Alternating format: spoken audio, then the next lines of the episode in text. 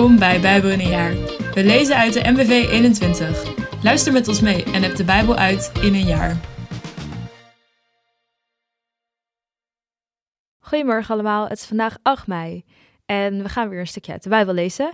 Ik ben Josephine en ik lees vandaag met jullie Spreuken 11, vers 19 tot met 28, Rechters 7 vanaf vers 8 en Rechters 8 tot met vers 35 en vervolgens Johannes 5 vanaf vers 31. Spreuken 11, vers 19 tot met 28. Wie rechtvaardig is, vindt het leven. Wie uit is op het kwaad, de dood. De Heer verfoeit bedriegers. Wie eerlijk leven, zijn hem welgevallig. Zo zeker als een onrechtvaardige gestraft wordt, zo zeker gaat het nageslacht van een rechtvaardige vrij uit. Schoonheid bij een vrouw zonder verstand is een gouden ring in de snuit van een varken. Wat een rechtvaardige verlangt, brengt niets dan goeds. Wat een goddeloze hoopt, roept slechts woede op. Wie vrijgevig is, wordt almaar rijker. Wie gierig is, wordt arm. Een gulle gever zal gedijen. Wie te drinken heeft, zal te drinken krijgen. Wie zijn graan vasthoudt, wordt door het volk vervloekt. Wie het verkoopt, wordt gezegend. Wie het goede zoekt, zal waardering vinden. Wie het kwade zoekt, wordt door het kwaad getroffen. Wie vertrouwt op zijn rijkdom, is als vallend blad. De rechtvaardige is als fris jong loof. Rechters 7 vanaf vers 9. Die nacht zei de Heer tegen Gideon: Het is zover, doe een aanval op hun kamp. Ik geef het in je handen. En als je geen aanval durft te wagen, sluip dan met je knecht Pura naar beneden, om te horen waar ze het over hebben. Dat zal je moed geven voor de aanval.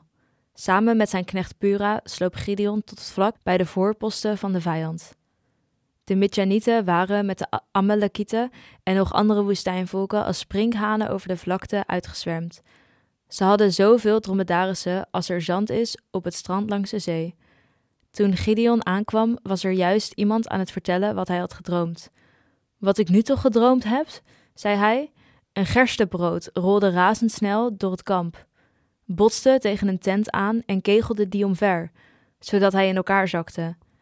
Dat kan niet anders zijn dan het zwaard van de Israëliet Gideon, de zoon van Joas, verklaarde zijn kameraad. Dat betekent dat God hem ons met ons hele kamp in handen heeft gegeven. Zodra Gideon de droom en de uitleg ervan had gehoord, boog hij zich dankbaar neer. Terug in het kamp spoorde hij de Israëlieten aan. Het is zover. De Heer geeft jullie het kamp van Midjan in handen.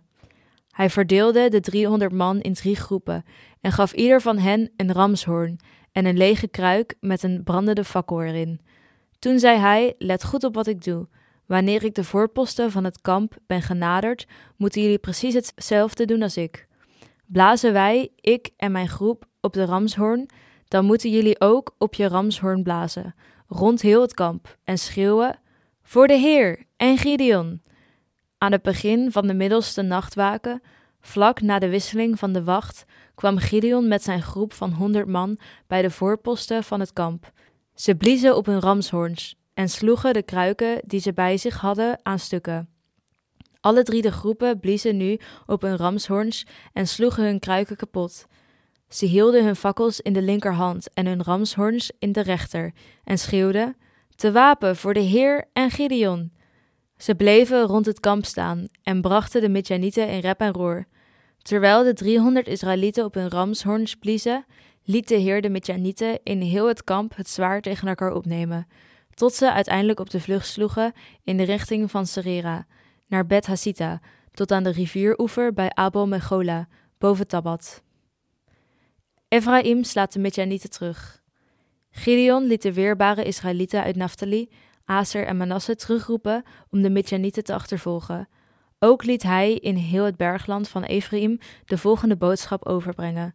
Ga de Midjanieten tegemoet en snijd hun de pas af, door de Jordaanoever te bezetten tot aan Betbara. Na deze oproep bezetten de mannen van Ephraim de Jordaanoever tot aan Betbara. Ze overmeesterden Oreb en Zeeb, de beide legeraanvoerders van de Midjanieten. Oreb werd gedood bij de rots van Oreb en Zeeb bij de perskuip van Zeeb. Ze zetten de achtervolging op de Midjanieten in en brachten de hoofden van Oreb en Zeeb naar Gideon, die inmiddels de Jordaan was overgestoken. Rechters 8. Daarbij zeiden ze: Waarom hebt u ons er niet bij betrokken toen u tegen Midjan ten strijde trok? Dat is toch geen manier van doen? Ze maakten hem de heftigste verwijten, maar Gideon antwoordde: Wat ik deed is toch niets vergeleken bij wat u gedaan hebt. Ephraim heeft de kroon gezet op het werk van Abiezer. God heeft de beide legeraanvoerders van Midjan, Oreb en Zeeb aan u uitgeleverd. Daarbij valt alles wat ik heb kunnen doen toch in het niet. Toen Gideon de zaak zo voorstelde, bedaarde de woede van de mannen van Ephraim. Gideon rekent af met Midjan, Sukkot en Penuel. Ook Gideon was dus met zijn 300 manschappen de Jordaan overgestoken om de Midjanieten te achtervolgen, hoewel ze de uitputting nabij waren. Daarom vroeg hij aan de burgers van Sukkot: Ik zit Zebach en Salmina achterna, de koningen van Midjan. Geef mijn soldaten wat te eten, want ze zijn uitgeput. Maar het stadsbestuur van Sukkot zei: Waarom zouden wij uw leger te eten geven? Hebt u Zebach en Salmina soms al in handen gekregen? Nee, dat niet, antwoordde Gideon. Maar zodra de Heer Zebach en Salmina aan mij uitlevert, zal ik u komen afranselen met doorntakken en distels uit de woestijn. Daar kunt u van op aan. Van Sukkot ging hij verder naar Penuel. Hij deed de burgers van Penuel hetzelfde verzoek als hij de burgers van Sukkot had gedaan, en kreeg van hen hetzelfde antwoord. Daarop bedreigde hij ook de burgers van Penuel met de woorden: Zodra ik ongedeerd terugkeer, zal ik uw toren met de grond gelijk maken. Sebach en Salmuna hadden intussen hun kamp opgeslagen in Karkor.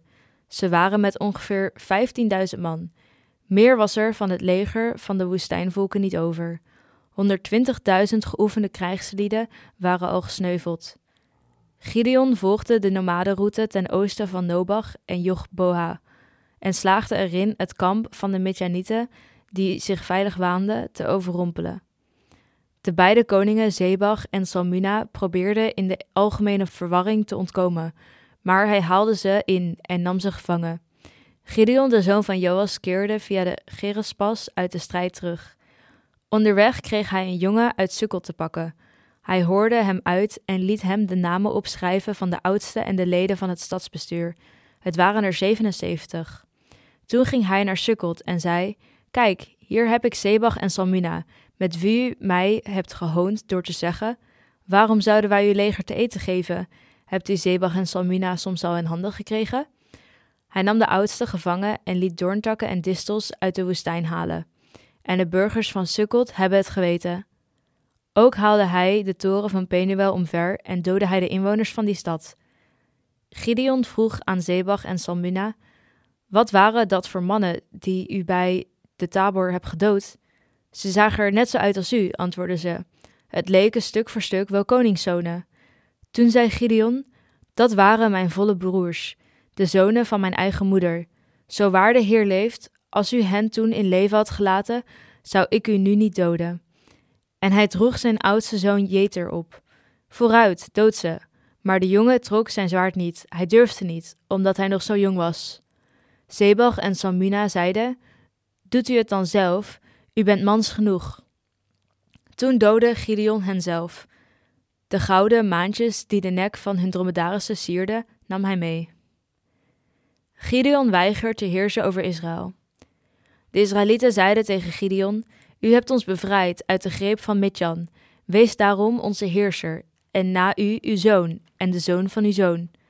Maar Gideon antwoordde: Ik zal uw heerser niet zijn, en mijn zoon zal uw heerser niet zijn, want de Heer is uw heerser. Maar ik wil u iets anders vragen.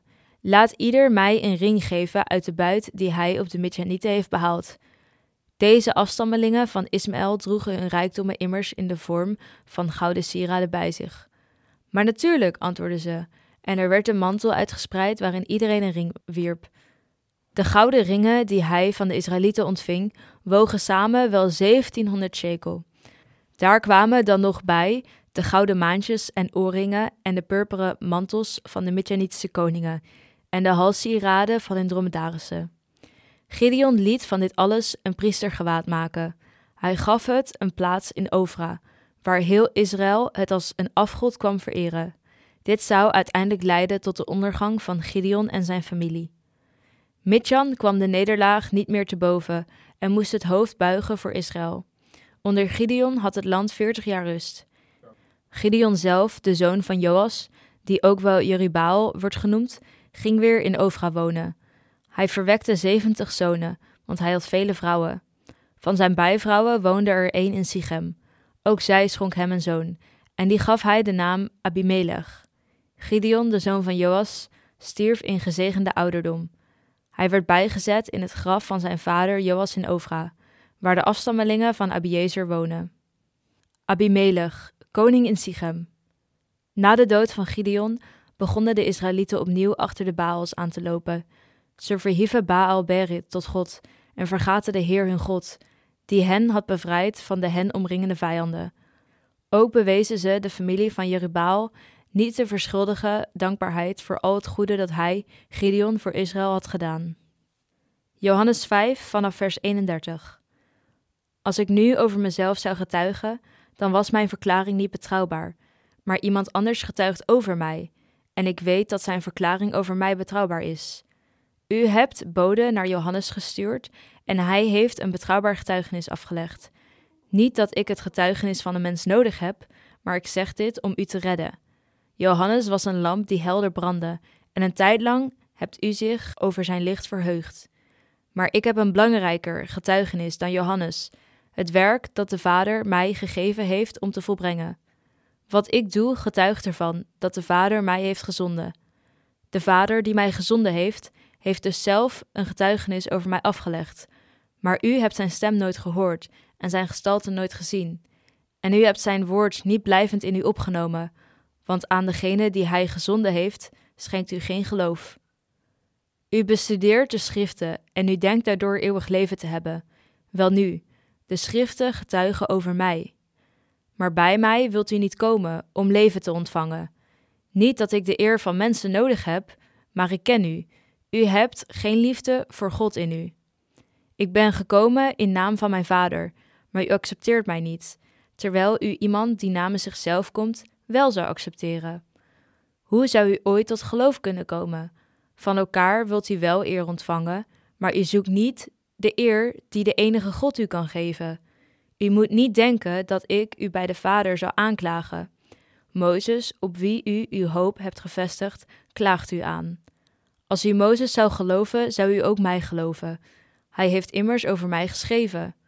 Maar als u niet gelooft wat hij geschreven heeft, hoe zou u dan geloven wat ik zeg? Bedankt voor het luisteren allemaal. Hele goede dag nog en tot morgen.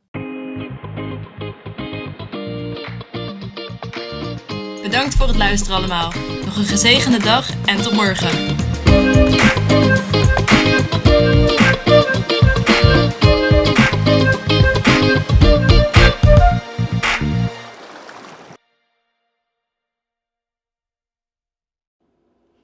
Met dank aan het Nederlands-Vlaams Bijbelgenootschap voor het gebruik van de MBV 21.